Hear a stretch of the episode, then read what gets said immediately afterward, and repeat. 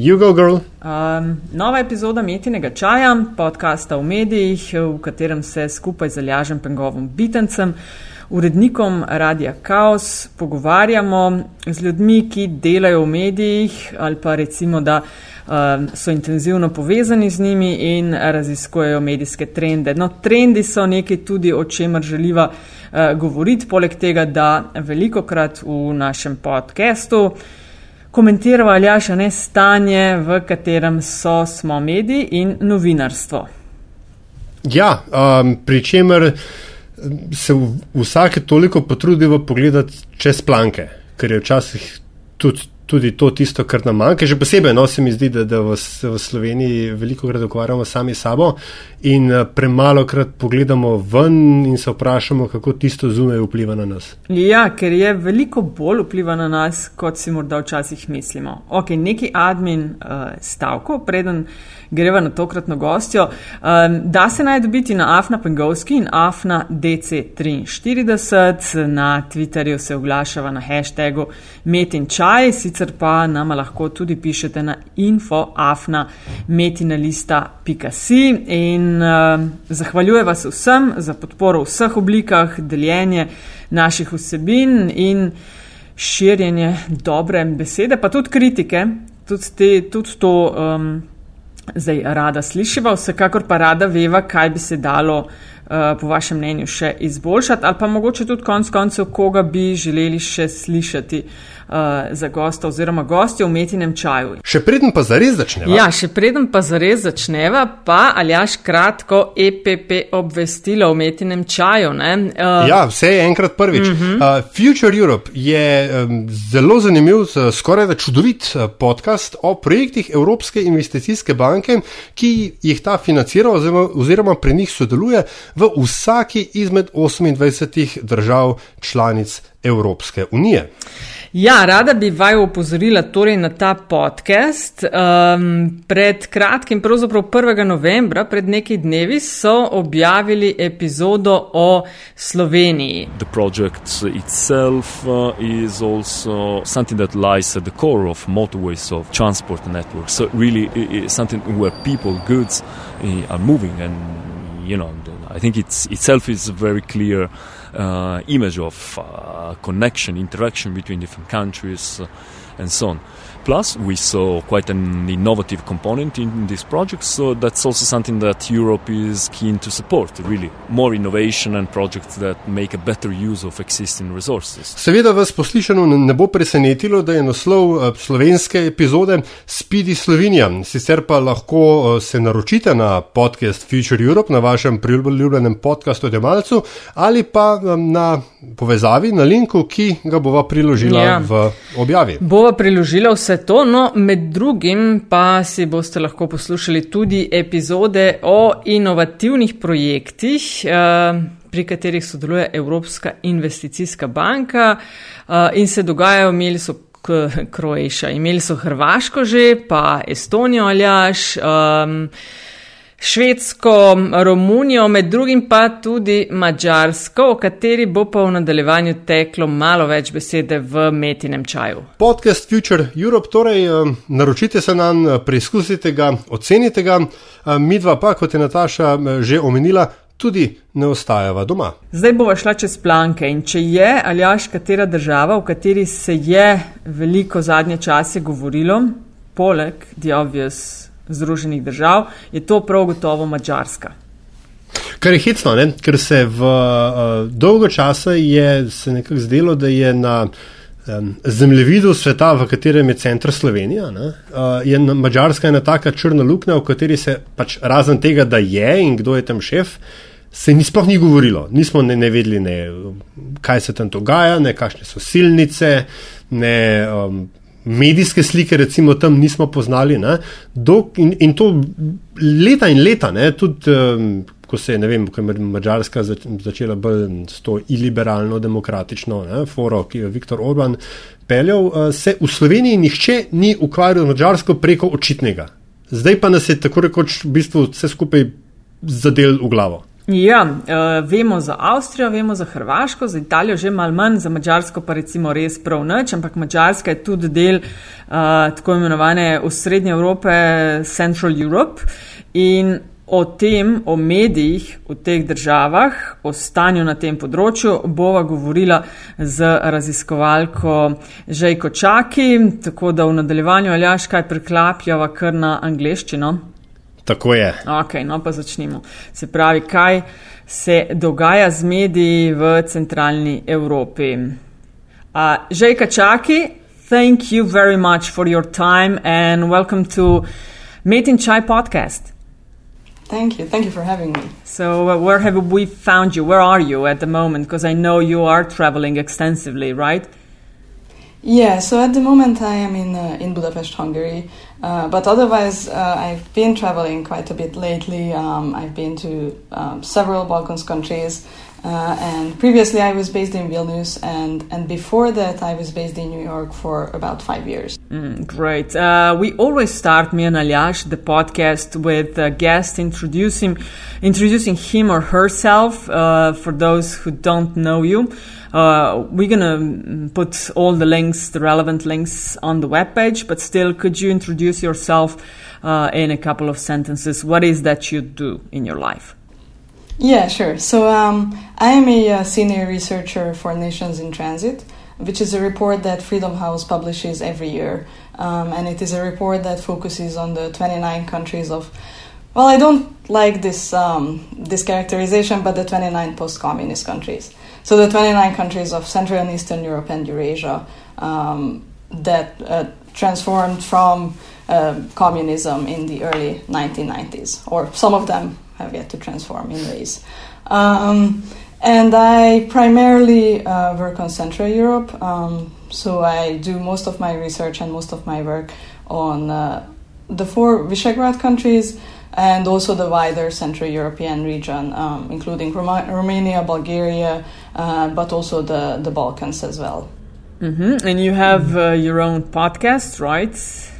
Yes, that's correct. You uh, didn't. Thank you for the you plug. Didn't, yeah, absolutely. Why don't you tell this? Uh, uh, and, yeah, so, mm-hmm. um, and your comments and writings have appeared on many major news outlets uh, like the BBC World News, the Wall Street Journal, the Foreign Policy, the Politico Europe. Um, congrats on that. I, I guess it's Uh, difficult to get into this big media or not. So. I, I mean, yes, uh, but also it, this is our job. Um, but but yes, as you said, we do have a podcast um, separately that I do with uh, with a historian, a Hungarian historian called Gergely Romsics, and uh, the podcast is called In Between Europe. Um, so we focus on mostly on Central European countries, and so far I think we have 14 episodes up. Um, so your listeners, those of who are interested, um, feel free to check it out because we try to focus on one country every in each episode, um, and uh, the last episode is actually on Slovenia. Yeah, yeah. Yes, sure, I yeah. warmly recommend that particular podcast, let alone that particular episode. So yeah, thanks, thanks for having me on that podcast. It was a pleasure, and it is also uh, a way we sort of connected and, and came in contact. So that's uh, the um, one of the reasons that that you're here. Although, um, at least uh, myself, I've been following your work for quite a while. So we're so happy to have you on. Thank you. And indeed, we are Twitter friends. You know, it's, Yes, th- th- there's this thing called Twitter friends. Twitter connecting people. Uh, Zselyke, could you st- could we start with um, you telling us uh, more about the, the media situation in Central Europe? I know it's it's probably a bit different in every country, but still. Uh, there are some, some things that are common between uh, the countries of Central Europe. How do you view it? What uh, did your research come up with? Uh, what kind of results so far? Um, mhm. Yeah, no, that's that's a very interesting question, and I think it's very timely right now because we talk about the the media environment globally, and we talk about the media being in crisis globally, and I think in that sense, the media in Central Europe is sort of kind of an early warning system for us um, because uh, in those countries, the media environment was. Uh, before the current crisis, uh, it was already quite vulnerable. and uh, and that is the common characteristic um, in in all Central European countries, and of course in the Balkans as well, where the situation is actually even worse. Um, but in Central Europe, um, before the financial crisis already, um, there were systematic weaknesses in, in, in the media market. And uh, that is because of the unique nature of transition in, in these countries. Um, that is partly because media outlets um, were not independent in the sense that we use independence um, for some Western European countries, although it's becoming harder and harder even there to, to stay fully independent uh, from market sources, from political sources. Um, but in Central European countries, because political parties after the transition were um, weakly rooted in society, so they did not have um, you know, extensive membership, mm-hmm. um, for example. So they were quite new, and and they needed some kind of additional leverage, and so many of them turned to the media, and and thought that you know there is this whole media market. Um, how about capturing some media outlets that will be mine, and so I will be able to convey my message through them, and. Um, and this already started happening in the early to mid 90s. Um, but because around that time these markets were um, you know quite attractive for foreign investors, um, most of these political parties were not that successful. Foreign investors came in and uh, and they bought up a significant chunk of um, of the media market in most of these countries. There are some exceptions, but but in most of them. Um, uh, however, sorry to mm-hmm. interrupt you. You mentioned exceptions. Could you name them? Um, Maybe uh, are, so were you example, thinking of the countries, the whole countries, as exceptions, or? Um, for example, the Balkans. In so, some countries in the Balkans were exceptions, like Macedonia. Uh-huh. Um, Macedonia, you know, I mean, obviously in the nineties, that's a different case because of the ongoing war. But even in the 2000, um, 2000s, in in most Balkans countries, the market was too small. Um, and so it was not attractive enough. I think that's partly true, um, partly to Romania, Bulgaria, um, but not uh, not in all of these countries.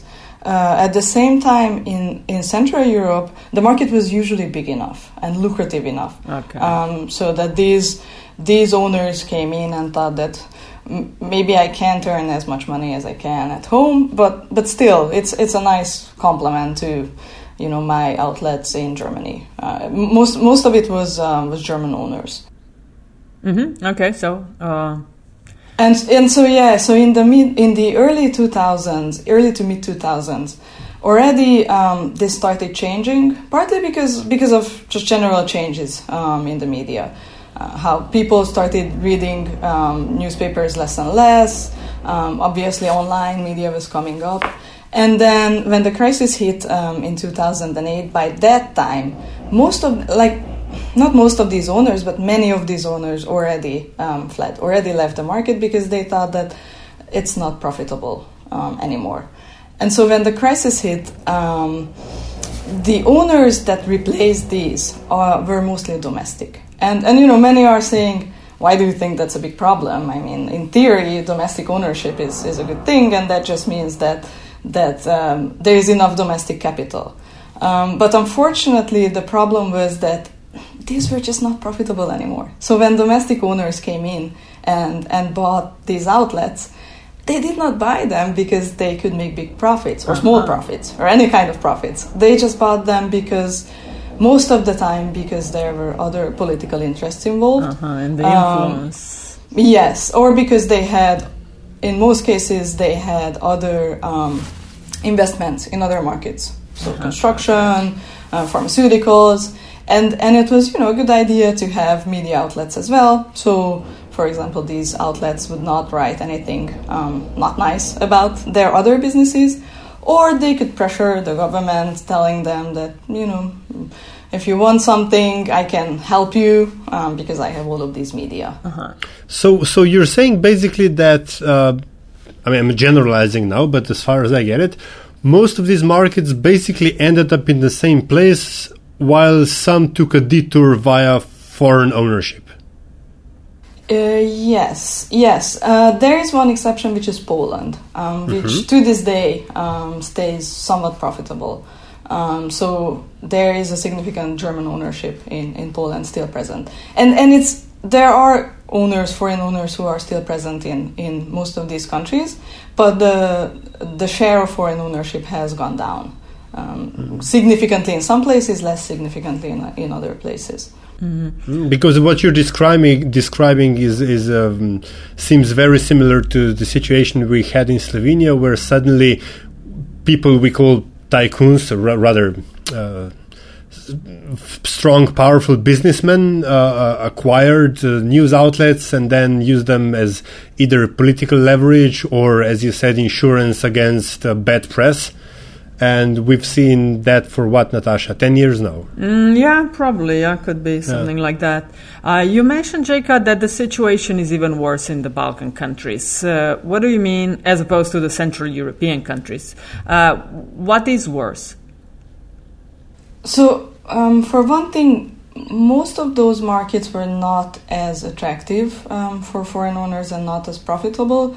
Um, and and the other thing is that um, there has been so party polarization and, and partisanship is a, is a feature of most um, of these markets. Um, but I think in the Balkans it it has been a feature for a longer time.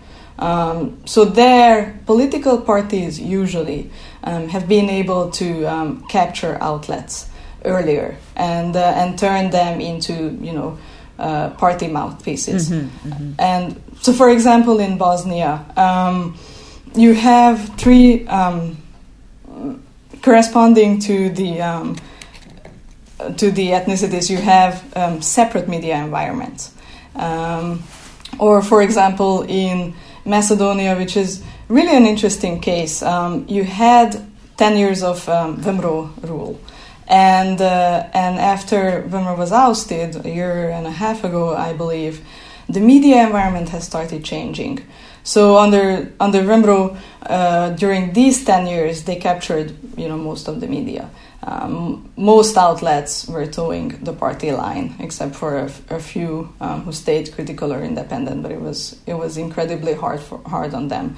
And um, once VMRO was ousted, those outlets who previously they had been to- towing um, their their line suddenly became you know not necessarily pro SDSM so the the party that's in power right now but definitely much more let's say balanced so so that's that's actually weirdly a, a good outcome at the moment but but it just shows you how the how, how dependent um, the media are on, on political parties and, and the political system.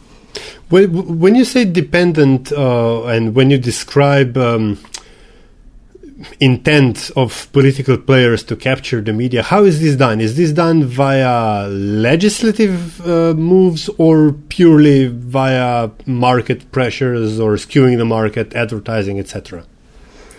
Um, I think it depends on. Uh, it's it's different country to country, uh, and I can I can talk at, at length, for example, about Hungary, where when Fidesz came to power in 2010, their intention was clear from the beginning um, to take over the media market and to establish their own bridgehead in the media.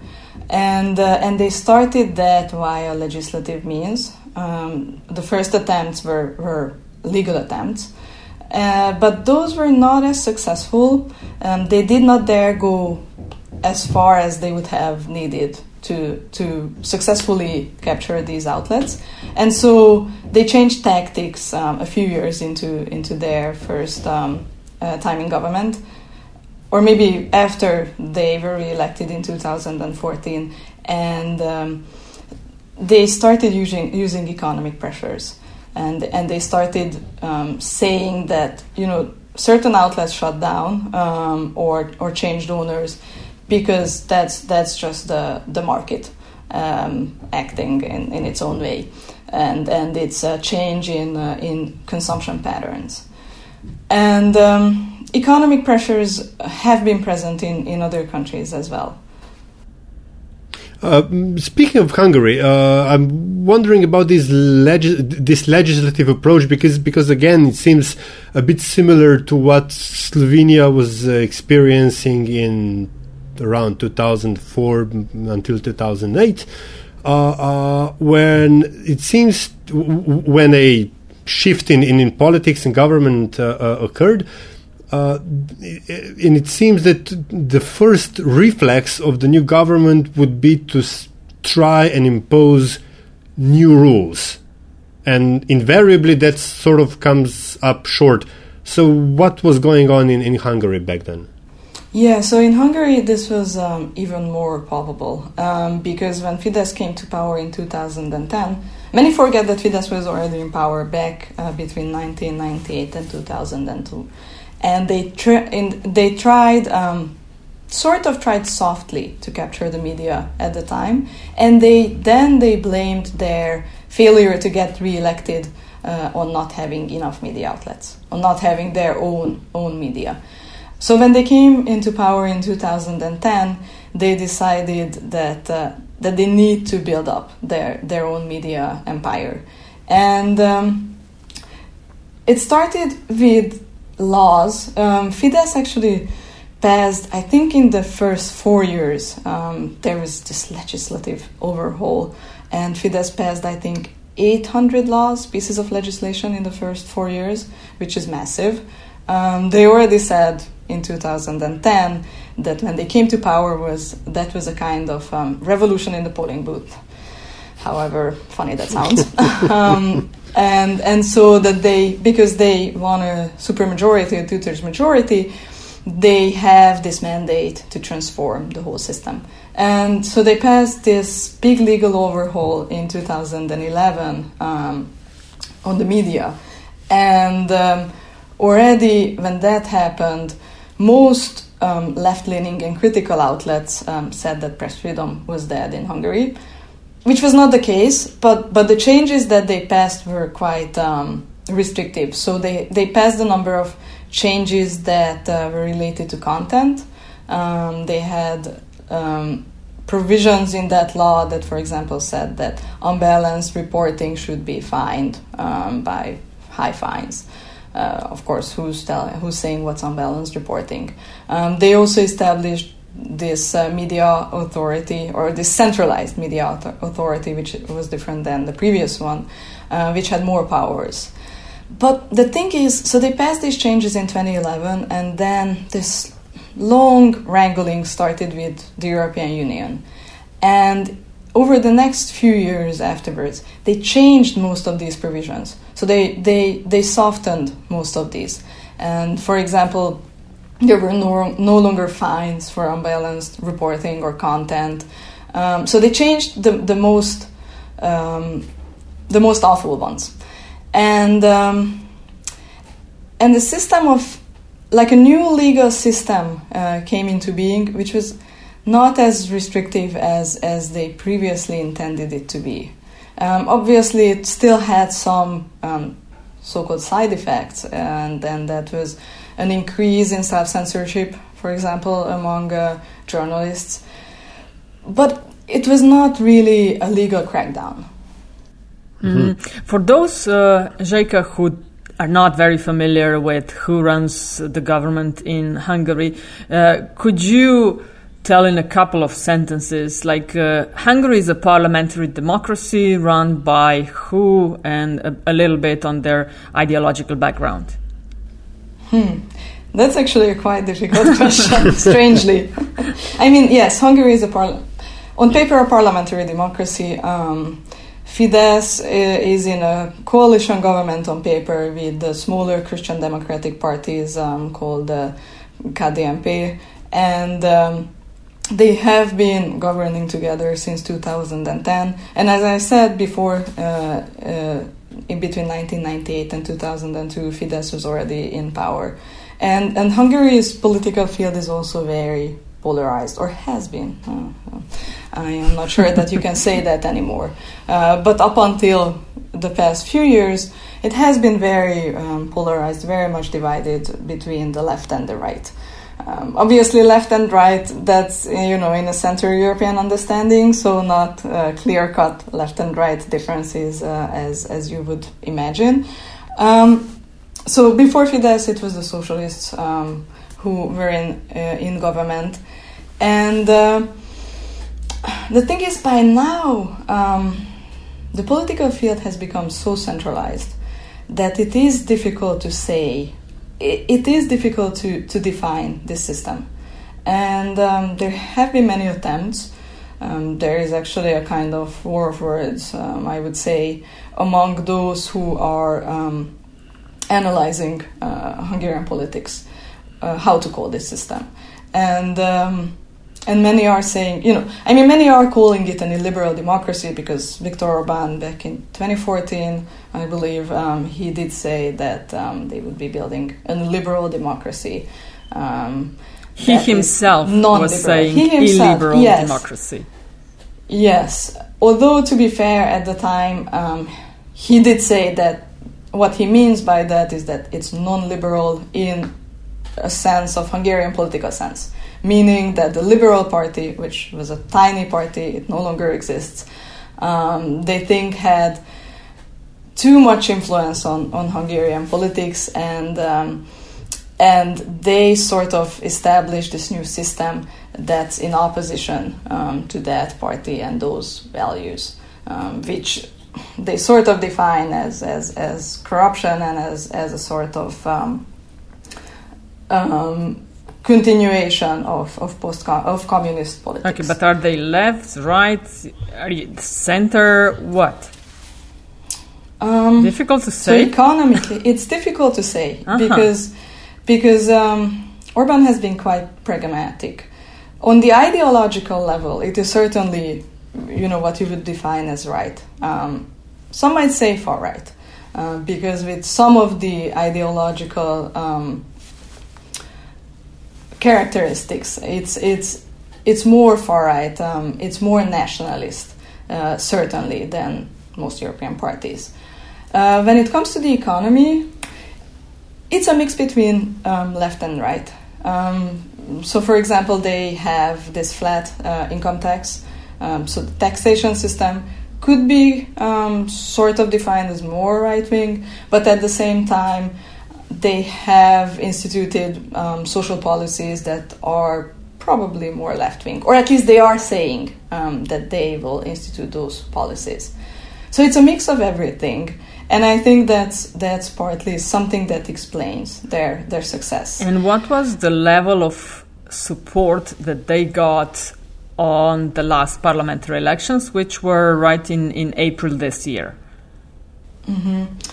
I have to recall the exact numbers, but I believe they got some 40 something percent, um, which translated into a two thirds majority. Mm-hmm. Um, so, majority of, of Hungarians uh, who voted support the Orban government. Yes, no, that is that is certainly the case. They which, do have uh, popular support. Which begs the question: Where is the opposition, and is there any opposition anymore?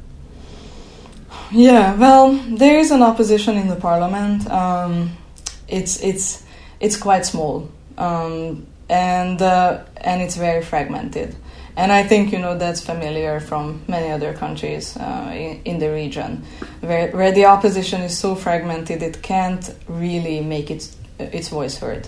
Um, to be fair, though, there is often this question whether it's um, it's the it's really the opposition's problem that they can't make their voices heard or or it's because the system is so cleverly constructed that they are not really able to do that anymore. And i think i am sort of i, I think it's becoming the second uh, more and more lately. I think in the first few years of, of fidesz is um, of the of the first Fidesz um, uh, period uh, after 2010, it was mostly that the opposition was just so defeated. Um, they failed like spectacularly um, during the financial crisis um, that they were not able to recover.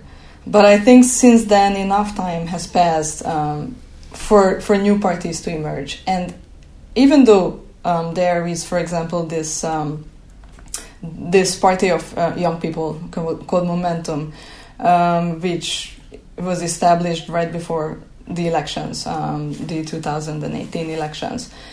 It's it's really difficult for them to break into the mainstream because of Fidesz's um, outright domination of the whole whole political field and of the media, obviously. Which again brings us to the well, the other side of that same coin. That now it's it's the quote unquote. Uh, left wing opposition, for lack of a better word, that uh, is faced with a um, unequal uh, media landscape that that uh, sort of prohibits, in part, their voice from being heard. Or am I understanding it wrongly? No, no, no. That's absolutely correct. That's absolutely correct. It's because the public media is completely under Fidesz's control and a significant percentage of the private media as well. Uh, it is it is very difficult for them to really um, convey their message to the voters.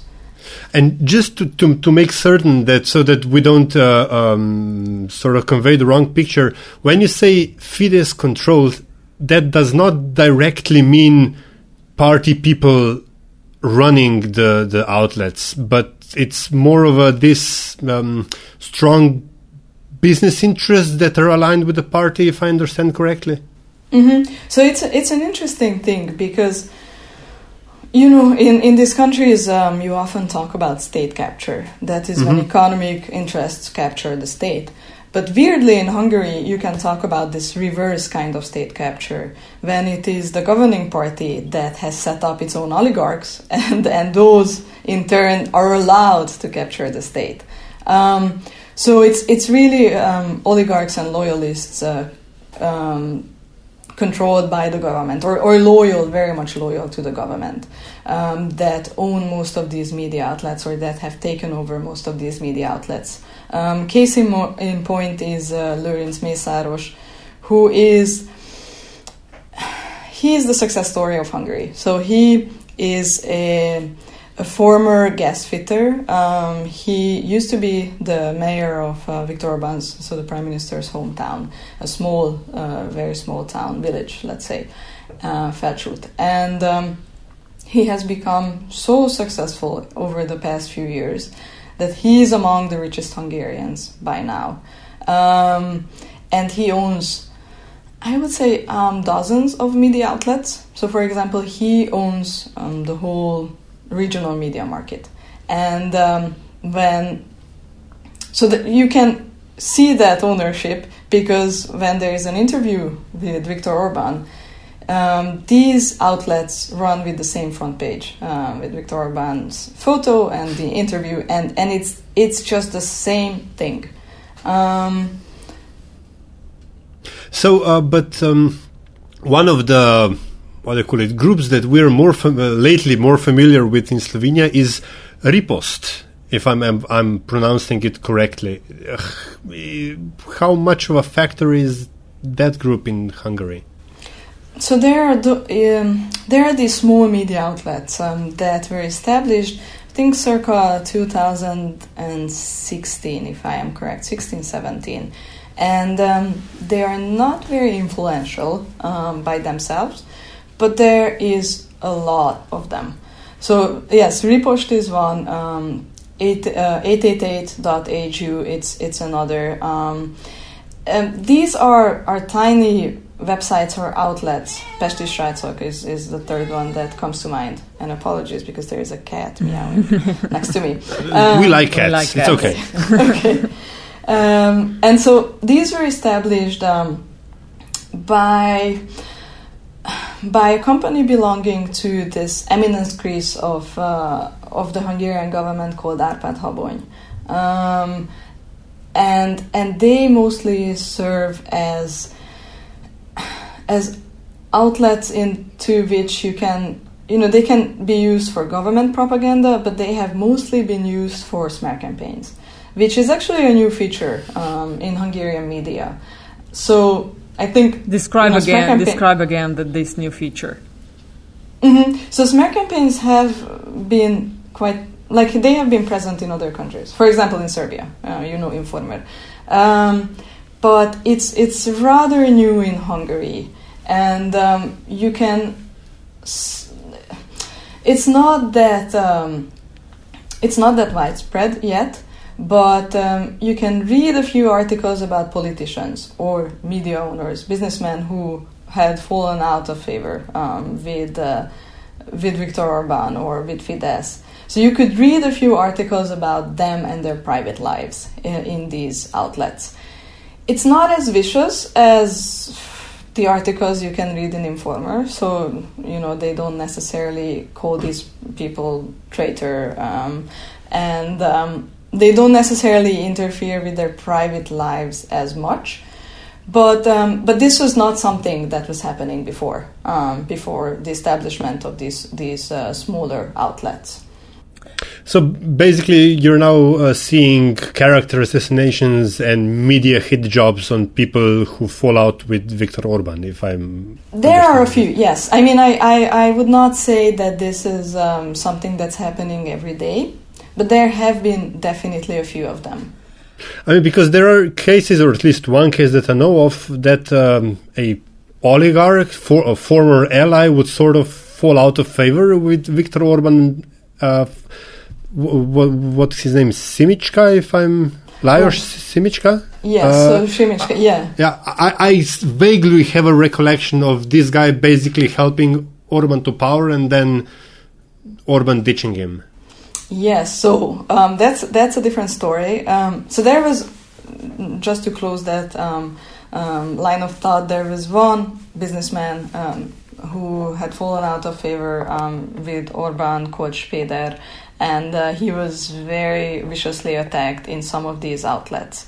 Uh, and then he had to sell his assets. But Simicska is a different story. So Simicska is he was the treasurer of Fidesz back in the 90s. Um, he is often um, characterized as this, as the mind or the brain um, uh, behind Fidesz and uh, behind their. So, as, as, the brain who's controlling all financial issues. He was responsible for building up Fidesz's financial um, background and empire. And um, they were very good friends with Orban as well. They attended the same. Um, it's called College for for Advanced Studies. It's a special kind of institution um, that that you can find in Hungary, and and they were very good friends. But by 2015, they had a very public falling out, um, which was infamous because Simicska the way he announced it, there had been rumors um, already before that, but the way he announced his breakup with Orban uh, was that he called him, and he's he's he's someone who, like, you can barely find any uh, media interviews or, or any kind of media appearances of him, uh, but he gave an an interview, a kind of interview, in uh, which um, he called Orban and I would I, I will not repeat that word, but but a very um, you know not a nice word. Um, and that was that was a significant step because up until then, um, Simicska owned like a whole business empire, construction companies, other kinds of companies that benefited greatly um, from from Fidesz being in power. So they got all the um, contracts, um, all the EU money, uh, everything um, that's connected to like not everything, but but they got a significant share of public procurement. Uh, as soon as this happened, um, that changed. And, and Simicska also owned a number of media outlets.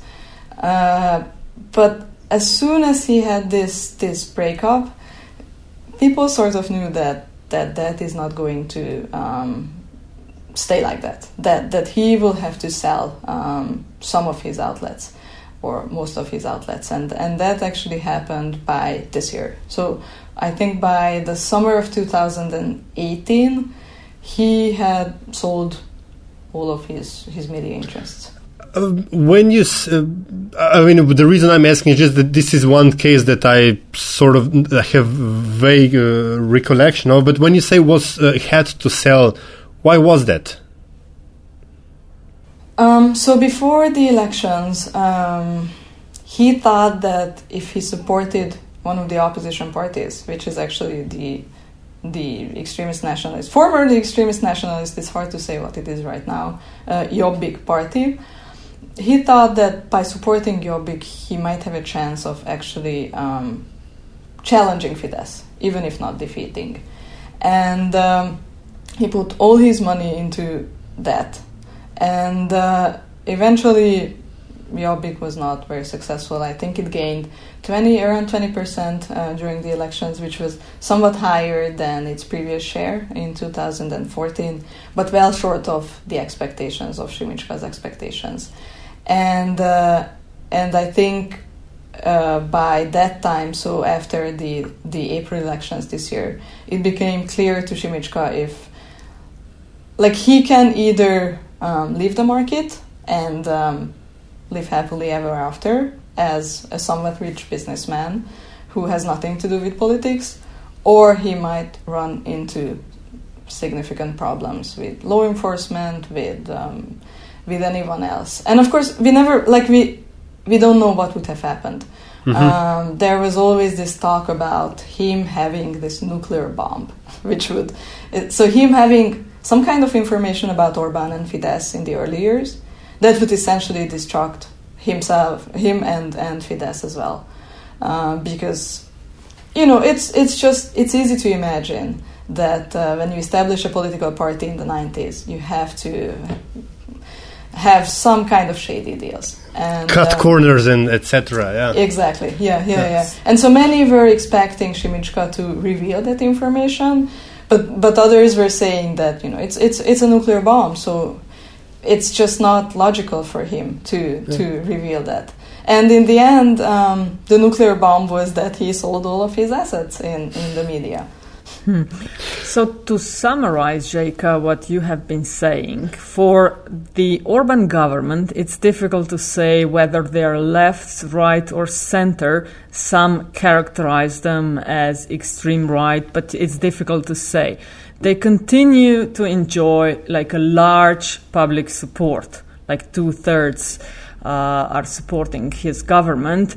Uh, what he did in the past years that he has been on top, uh, he has been reforming and owning sort of the media field in Hungary, right? And uh, he has also been adopting various legislations, just to mention uh, closing uh, down the Central European University. And here comes the EU. Uh, the Sargentini report, which was quite hard on Hungary. Um, could you uh, maybe say in a couple of sentences what was in the Sargentini report? Why has uh, Hungary received a warning? Mm-hmm. Yeah, so before that, um, just going back to, to what you were saying about their public uh-huh. support. So it's it's true that they are um, they won a supermajority again, but that doesn't mean that they are supported by um, two thirds of um, of all voters, uh, because they gamed the electoral system so cleverly um, that even if they got well, not this time, but in the previous elections, they received a lower share of the votes than in 2010 when they first won a supermajority and um, and still they they received a supermajority, and that was because they changed the system so cleverly that now it resembles.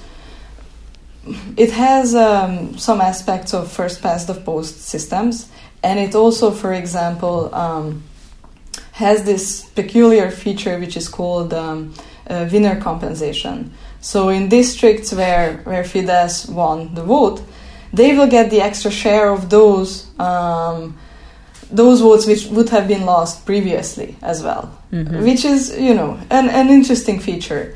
Um, so it's it's not that they don't have popular support. Obviously they do, but they don't have that high amount of it. Um, but so so going to the Sargentini report. Um, I would say the report itself did not contain any new information. It was mostly a description of what has happened in the past eight years. So it was mostly a description of the changes that, that Fidesz Institute did, um, including constitutional changes, including you know changes to the to the media laws.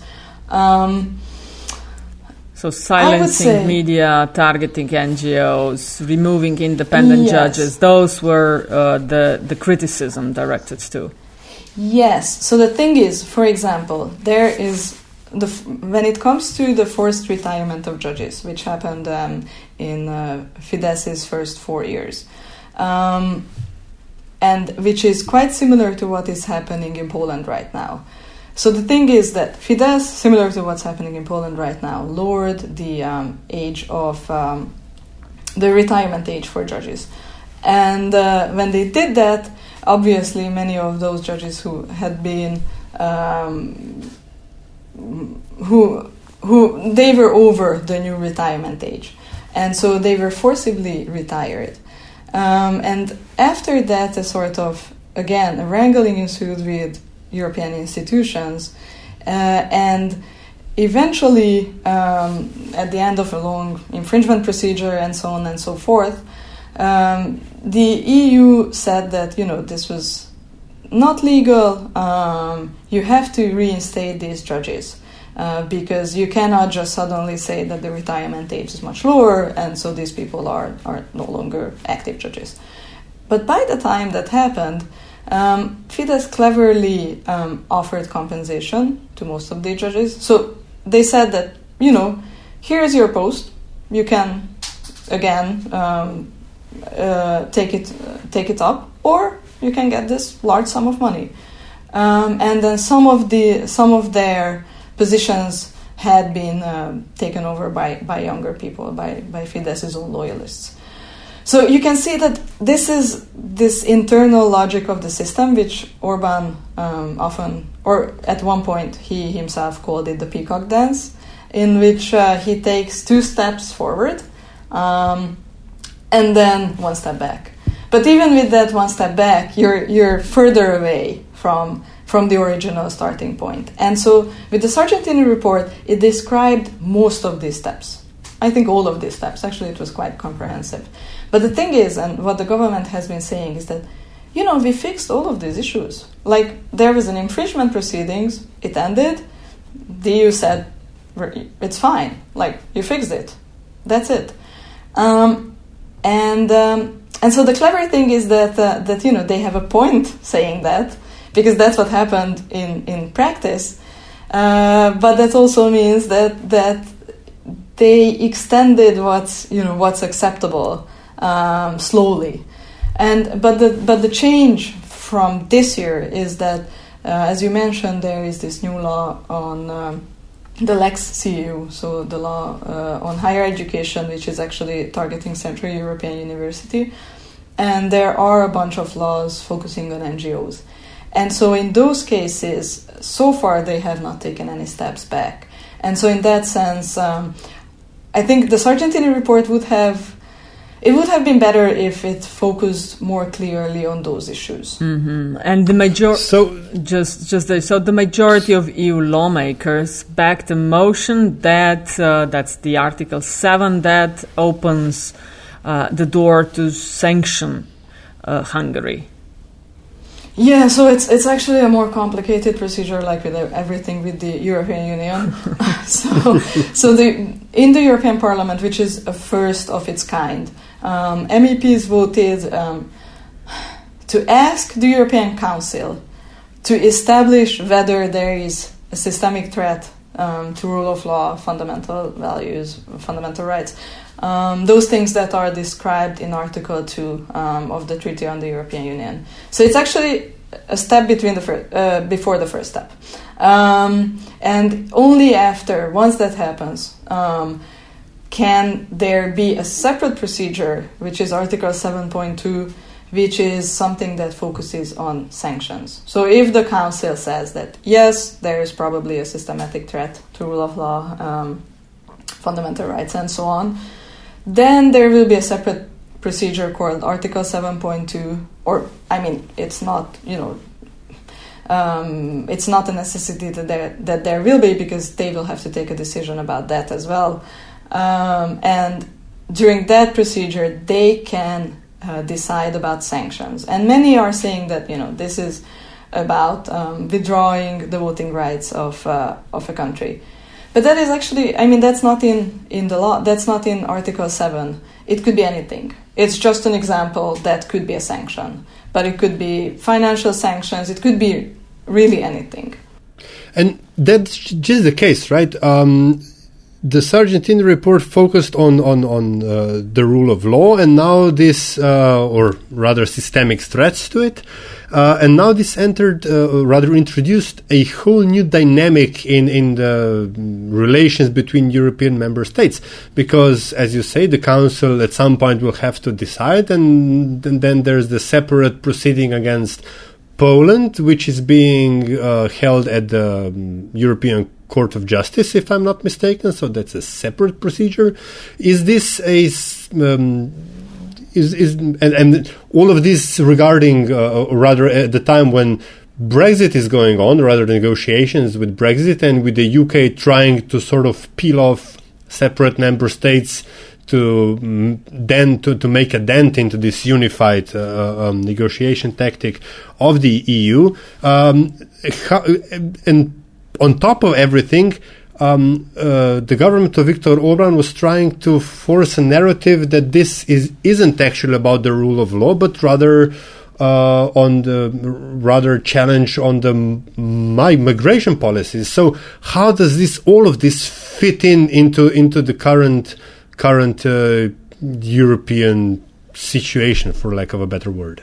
Mm-hmm. Yeah. So the thing is. Um I think the bottom line is that politics is is back in European politi- uh, in in the European Union big time, um, and I think that's you know that that could be a sort of a silver lining that there are important issues that uh, parties and political forces and countries are discussing at the European level.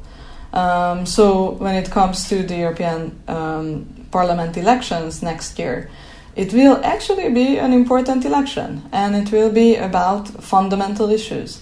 Um, and uh, yes, there are these many layers that you described um, to it uh, because Orban is trying to portray it as, as this existential fight between those countries that um, support migration and those countries that uh, that oppose migration and and and also that there is this fight between those countries who want a European Union based on nation states and, uh, and those who want a more closer cooperation.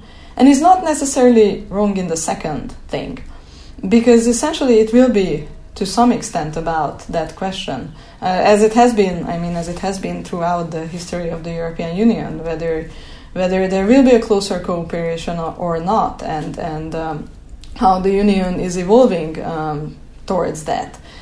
Now, obviously, with Brexit, um, it's not that clear cut as, as it has been in the past, where, where, the, where the Union was sort of slowly and um, uh, and and in you know sometimes uh, in quite difficult ways going towards a, a closer cooperation.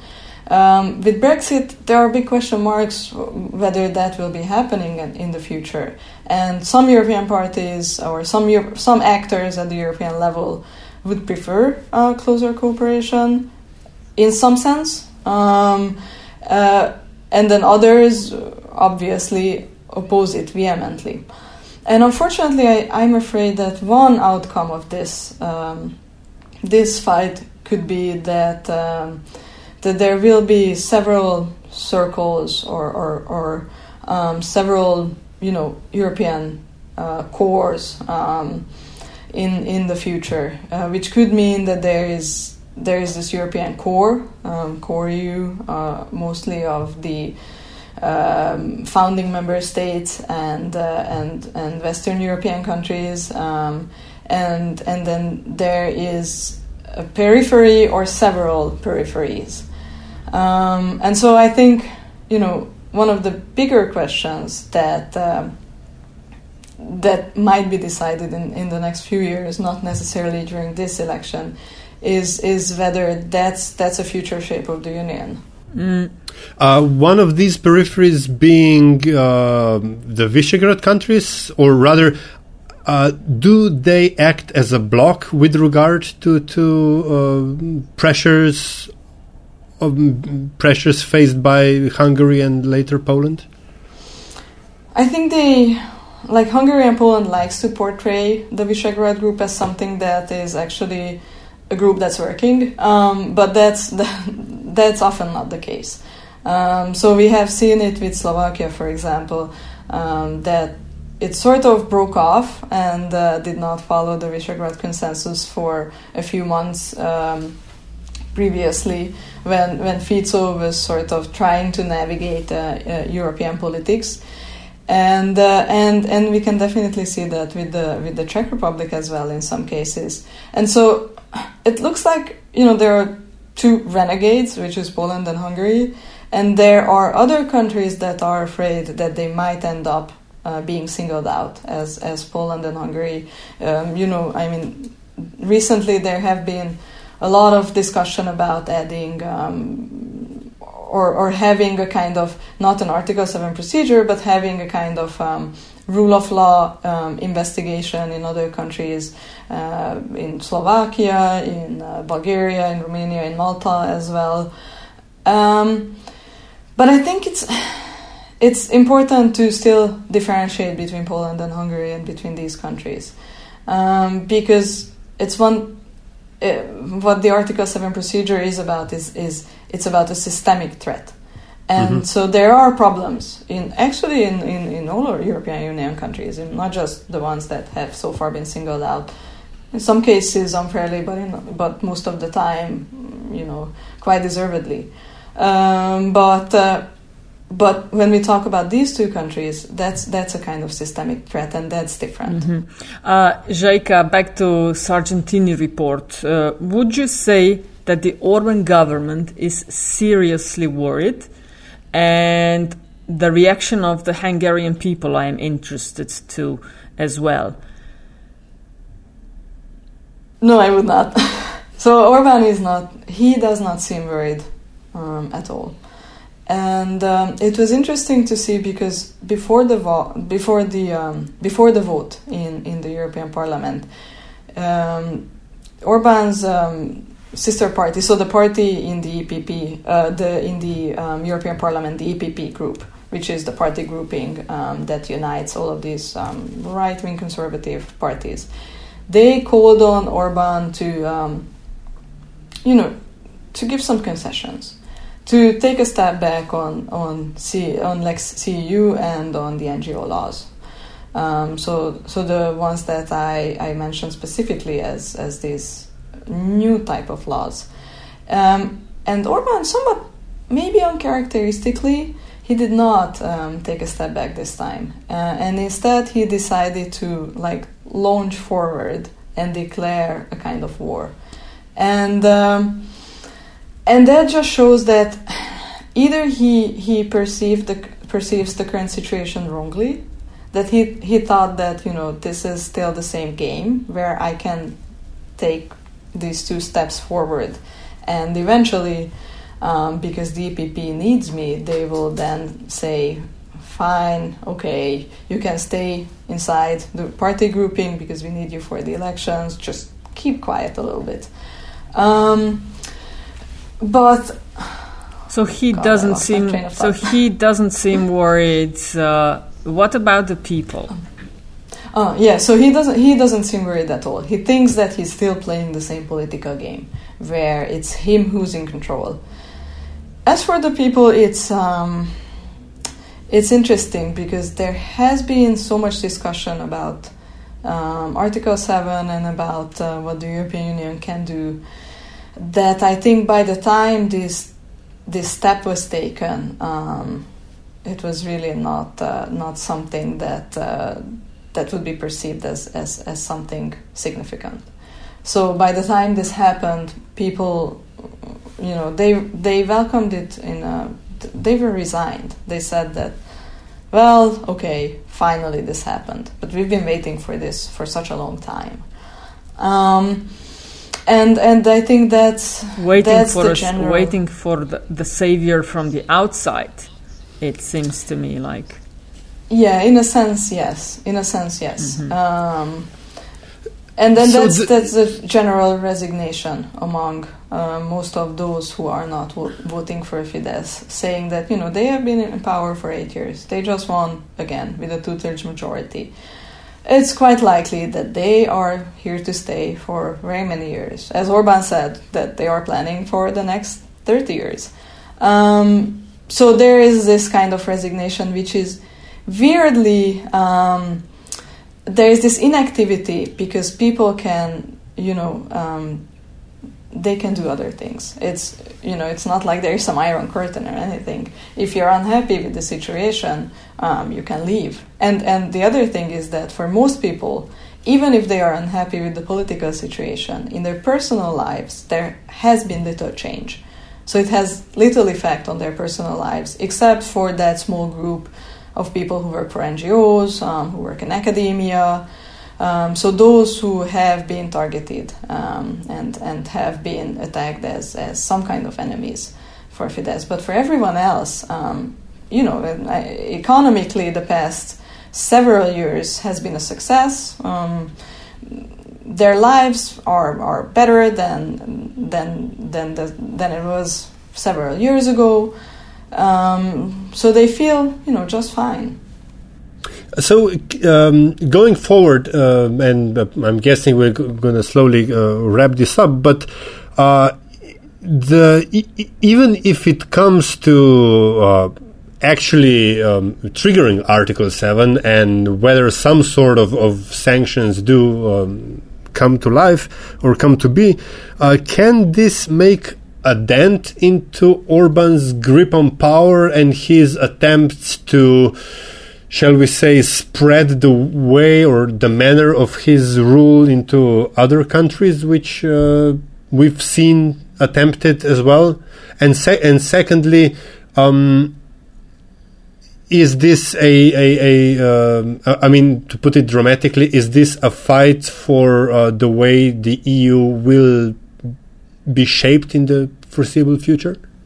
Yeah, I think. I mean, I think in a sense it is a fight for that. Um, I would agree with that, and I think that is why it's important that that Article Seven was launched because essentially for the EU, everyone is looking at it from Orban's perspective, and I think that's to some extent is wrong because essentially for the EU, it uh, it was a necessity to launch these procedures. Like you, you declare yourself a community of values and then some of your members um, violate those values. And and if you can't defend yourself then like then what are you?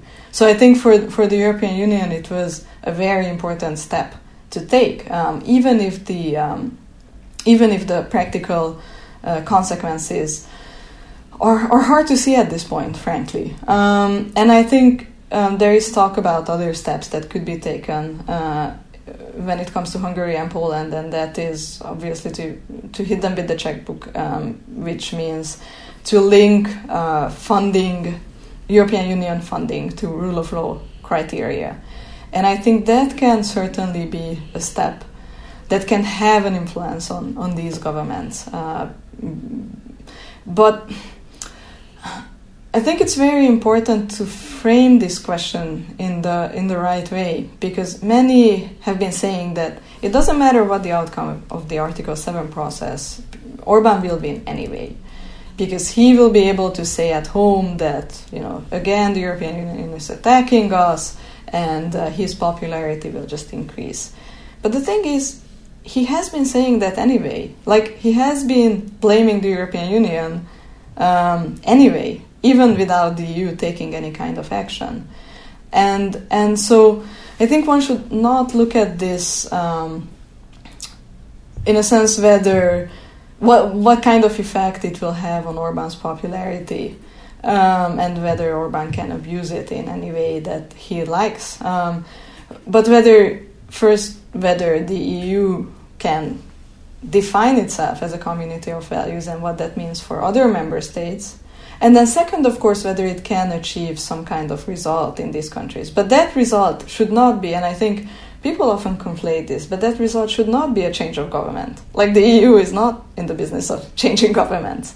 The, the EU wants these governments to, you know, to walk back on some of some of these steps. Um, and I think it's there is still a chance that that can be achieved. Um, but of course, it's a, it's a highly politicized process, and um, and it will be a very lengthy process um, at the same time. Mm. We spoke at length about uh, the Hungary, and you are researching the, the media situation in Central Europe.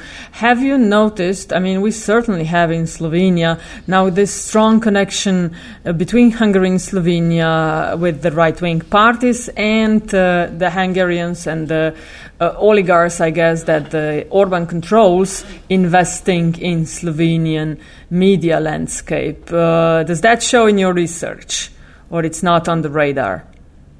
Um, it um, it has yeah yeah it has been it has been raised. Um, and uh, it's interesting because it's not just Slovenia where these uh, loyalists or, or businessmen close to Orban invested. It's uh, it's also Macedonia, for example, and of course it's also the Hungarian language media in uh, in countries surrounding Hungary, which have a significant Hungarian minority. So in in Romania, um, in Serbia. Um, and and also it's in it's in as I said it's in Macedonia as well and it's quite you know it's it's hard to say what the logic is behind these investments because obviously from a financial standpoint they can't be that profitable. Um, it they do make sense if you think about projecting some kind of um, you know power into the region. Um, but at the same time you have to think about the um, the, the financial incentives and profitability behind them um, and I think at this point, it's it's hard to say what that is, and that would certainly be something very interesting to to look into uh, more. Mm-hmm. Um, and to finish our conversation, uh, Zselyke Csaky, which media outlets, the blogs, the podcasts, or anything, would you recommend to read, to follow, to know more about what is going on in Hungary? Mm-hmm. What do you um, read?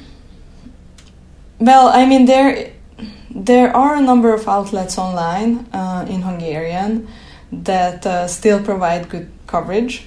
But I assume yes, Hungarian is not any, very useful yeah. for your readers. Yeah. Are there any in English?